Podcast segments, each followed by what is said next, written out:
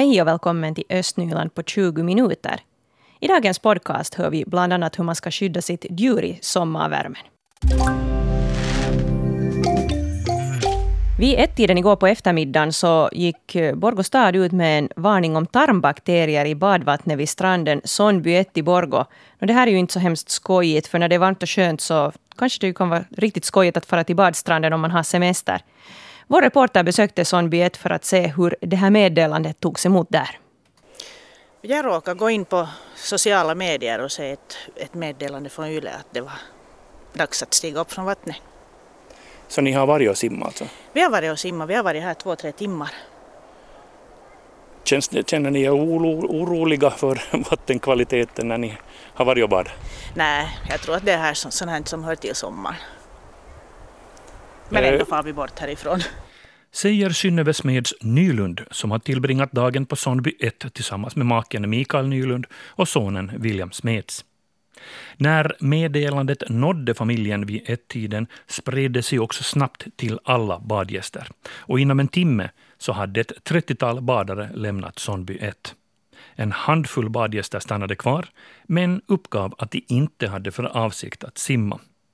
Borgostad tar nya prover under veckan och familjen kan tänka sig att återvända om vattnet är rent. Det är möjligt att vi kommer. De har ju lovat varmt framöver så kanske vi ska svalka oss igen. Mm. Säger Synnöve Smeds Nylund. Cirka en kilometer därifrån vid Sondby 2 ser man inte av någon oro. Här simmar badgästerna glatt. Paula Korhonen och Niklas Löberg har inte besökt Sondby 1 den här dagen och känner inte heller till problematiken med tarmbakterierna.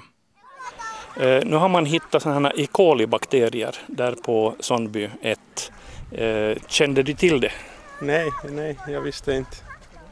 Men tack och lov så har man också konstaterat i proven att det här vattnet är rent. Så att jag antar att ni har, ni har varit och badat eller är på väg att bada? Ja, vi har redan simmat här flera gånger idag. Säger Niklas Löfberg. Orsaken till kontamineringen är fortfarande oklar. När vattenproverna togs i måndags upptäcktes ingenting ovanligt. Det har ofta varit så att det har varit de här ändarna som har varit på stranden, men då när provtagningen, liksom just, just den tidpunkten så iakttog inte provtagaren något speciellt på stranden. Ja, det kan ju hända att det har varit fåglar där då tidigare och det kan hända att, att eller så har de bara simmat där utanför, men det, det är Sonnby stranden så den är hemskt låg, att det är liksom grunt ganska långt ut. Men kan man utläsa om, om de här bakterierna kommer från djur eller från människa? Jag tänker på om det nej, finns... Nej, nej det, får, det får man inte med, med de, det här vad heter det, laboratoriesystemet får man inte reda på att vartifrån de kommer. Att det, förstås är det ju möjligt att det är liksom fast någon septitanks eller någonting sånt, men det, det har vi ingen information om. De har nog liksom sådana, sådana vässasystem där, där på stranden, men de är ganska långt från stranden, de är ganska högt upp dit, att det är inte riktigt nära vattnet. Och det konstaterar hälsoskyddsplanerare Marit Lönnroth vid Borgostad. Leo Gammas var reporter här. Lovisa-bon Siv Broman hon har i över 25 års tid bott i Bolivia. Och där har hon grundat ett barnhem som heter Corazon Grande för föräldralösa flickor. Tidigare i vår så fyllde barnhemmet 13 år och idag finns där 18 flickor. Och för tillfället så semestrar Siv Broman i Finland. Och vår reporter Rebecka Svedberg hon åkte till Lovisa för att träffa Siv Broman i Kapellparken. Och så här berättar hon om varför hon grundade barnhemmet. Jag hade redan bott många år i Bolivia och jag kände att jag ville göra någonting mera, ha något eget där man själv kunde påverka mera och just hjälpa barnen som flickor som har, har många behov.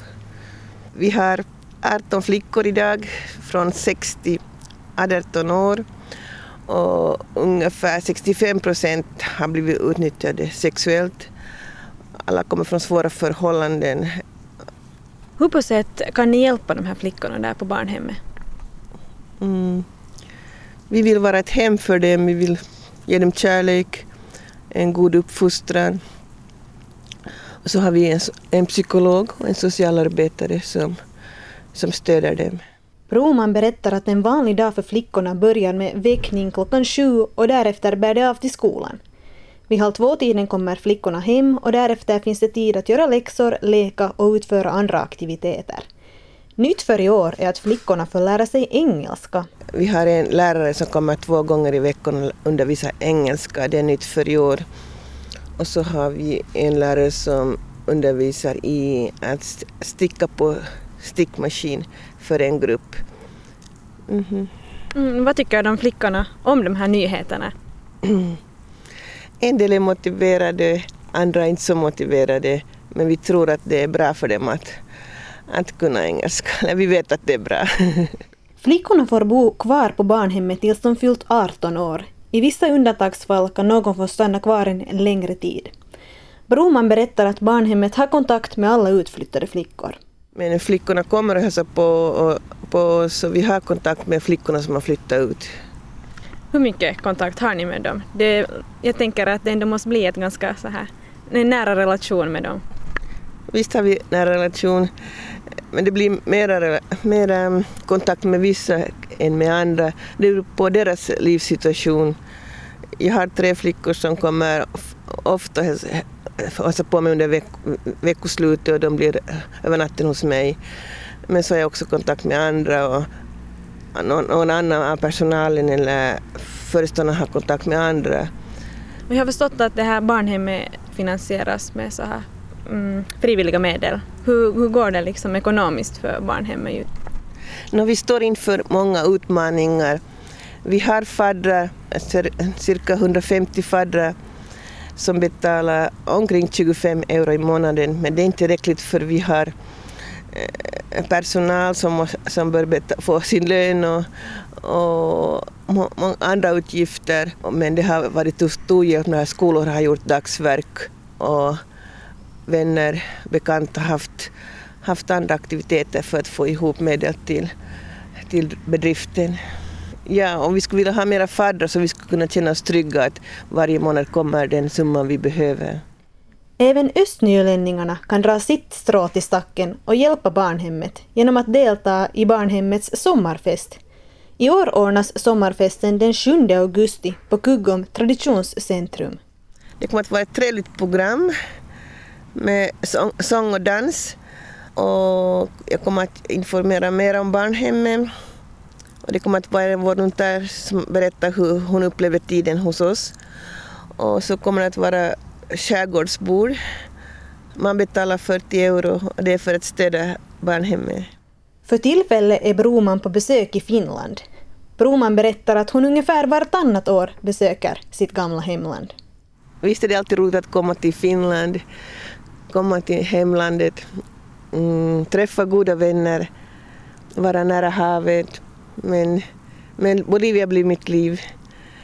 När jag har varit här sex veckor, fem, sex veckor, vilket jag brukar vara, så brukar det kännas att det är dags att resa tillbaka.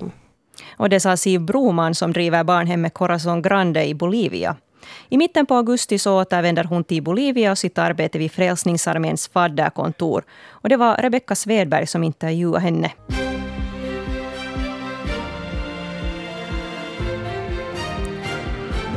Klockan är halv nio, nu senaste nytt från Östnyland med Stefan Härus. God morgon. En 30 kvadratmeter stor separat bastubyggnad brann ner på Vässö i Borgå strax före klockan åtta i morse. Brandkåren ryckte ut med sju enheter. Ingen skadades i branden. För tillfället pågår eftersläckningsarbetena på platsen.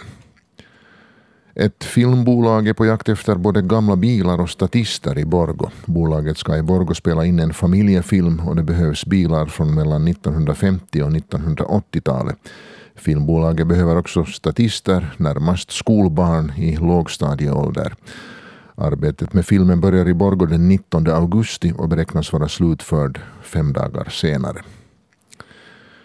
Polisinrättningen i östra Nyland varnar nu för de årligen återkommande smyckestölderna sommartid. Polisen berättar i ett pressmeddelande om två fall där en turist frågat om vägen. De personer som har hjälpt turisten har fått en kram och i samband med det ett halsband av något slag som tack. Samtidigt har den äkta guldkedjan som den hjälpande haft runt halsen försvunnit. Polisinrättningen i östra Nyland säger att tjuvarna också är ute efter plånböcker, mobiltelefoner och bankkort.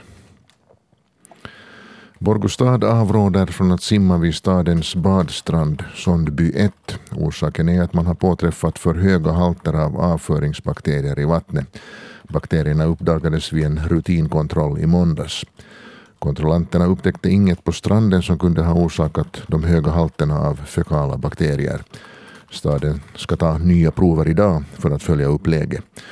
Sondby 1 är en av de mest populära simstränderna vid havet i Borgo. Och sport. Borgo Akilles löpare Sara Kuivisto försökte nå VM-kvalgränsen på sträckan 800 meter under tävlingar i Joensuu igår. Efter det första varvet såg det bra ut men på det andra varvet tappade Kuivisto fart och sprang i mål som fyra på tiden 2.04, det vill säga fyra sekunder långsammare än vad som krävs för att nå VM. Loppets segrare var norskan Hedda Hydde. Nästa deltävling går av stapeln i Esbo den 18 augusti. Borgo var den näst varmaste orten i Finland igår med uppmätta 29,5 grader. I Vanda nådde man bara 0,1 grad högre. Mätningen gjordes vid Meteorologiska institutets väderstation i Harabacka i Borgo. Nu under morgonens lopp har Orren Grund utanför Lovisa haft en av de varmaste temperaturerna. Ja, har ni funderat på det här med hur djuren klarar av sommarvärmen och vad man ska tänka på som djurägare för att allt ska löpa smidigt? Nu ska vi träffa veterinär Kita Valros som driver veterinärkliniken Avec i Borgo. För tillfället så är hon ändå på semester och därför träffar vår reporter Rebecka Svedberg henne nere vid båthamnen i Kabböle i Lovisa. Becky, börjar ni ha stekande hett där i solen?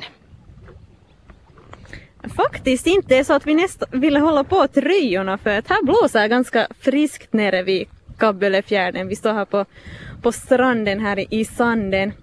Vi funderar just här att det var synd att här inte var några andra djur, någon, någon hund eller någonting. Att vi har bara sällskap av fem gräsändar, men vad gör det? Du Kita Wallros är alltså på semester men har bra koll på vad som händer där på kliniken i, i Borgå. Hur bråttom har ni nu när det är så här varmt och fint väder? Jo, det är, det är bråttom på kliniken. Vi har fullt upp från tidigt på morgonen till, till sent till kvällen. Att sommartiden är, är, är, är, det är jobbigt för oss om vi säger så. Det händer och, saker och ting, många saker och ting. Mm. Men just nu så är det ju då varmt och fint väder men påverkar det eller kommer det också mycket djur in då när det är lite sämre väder? No, jag har inget, någon statistik på saken men eh, det verkar så att att, det är mera bråttom när det är varmt och soligt.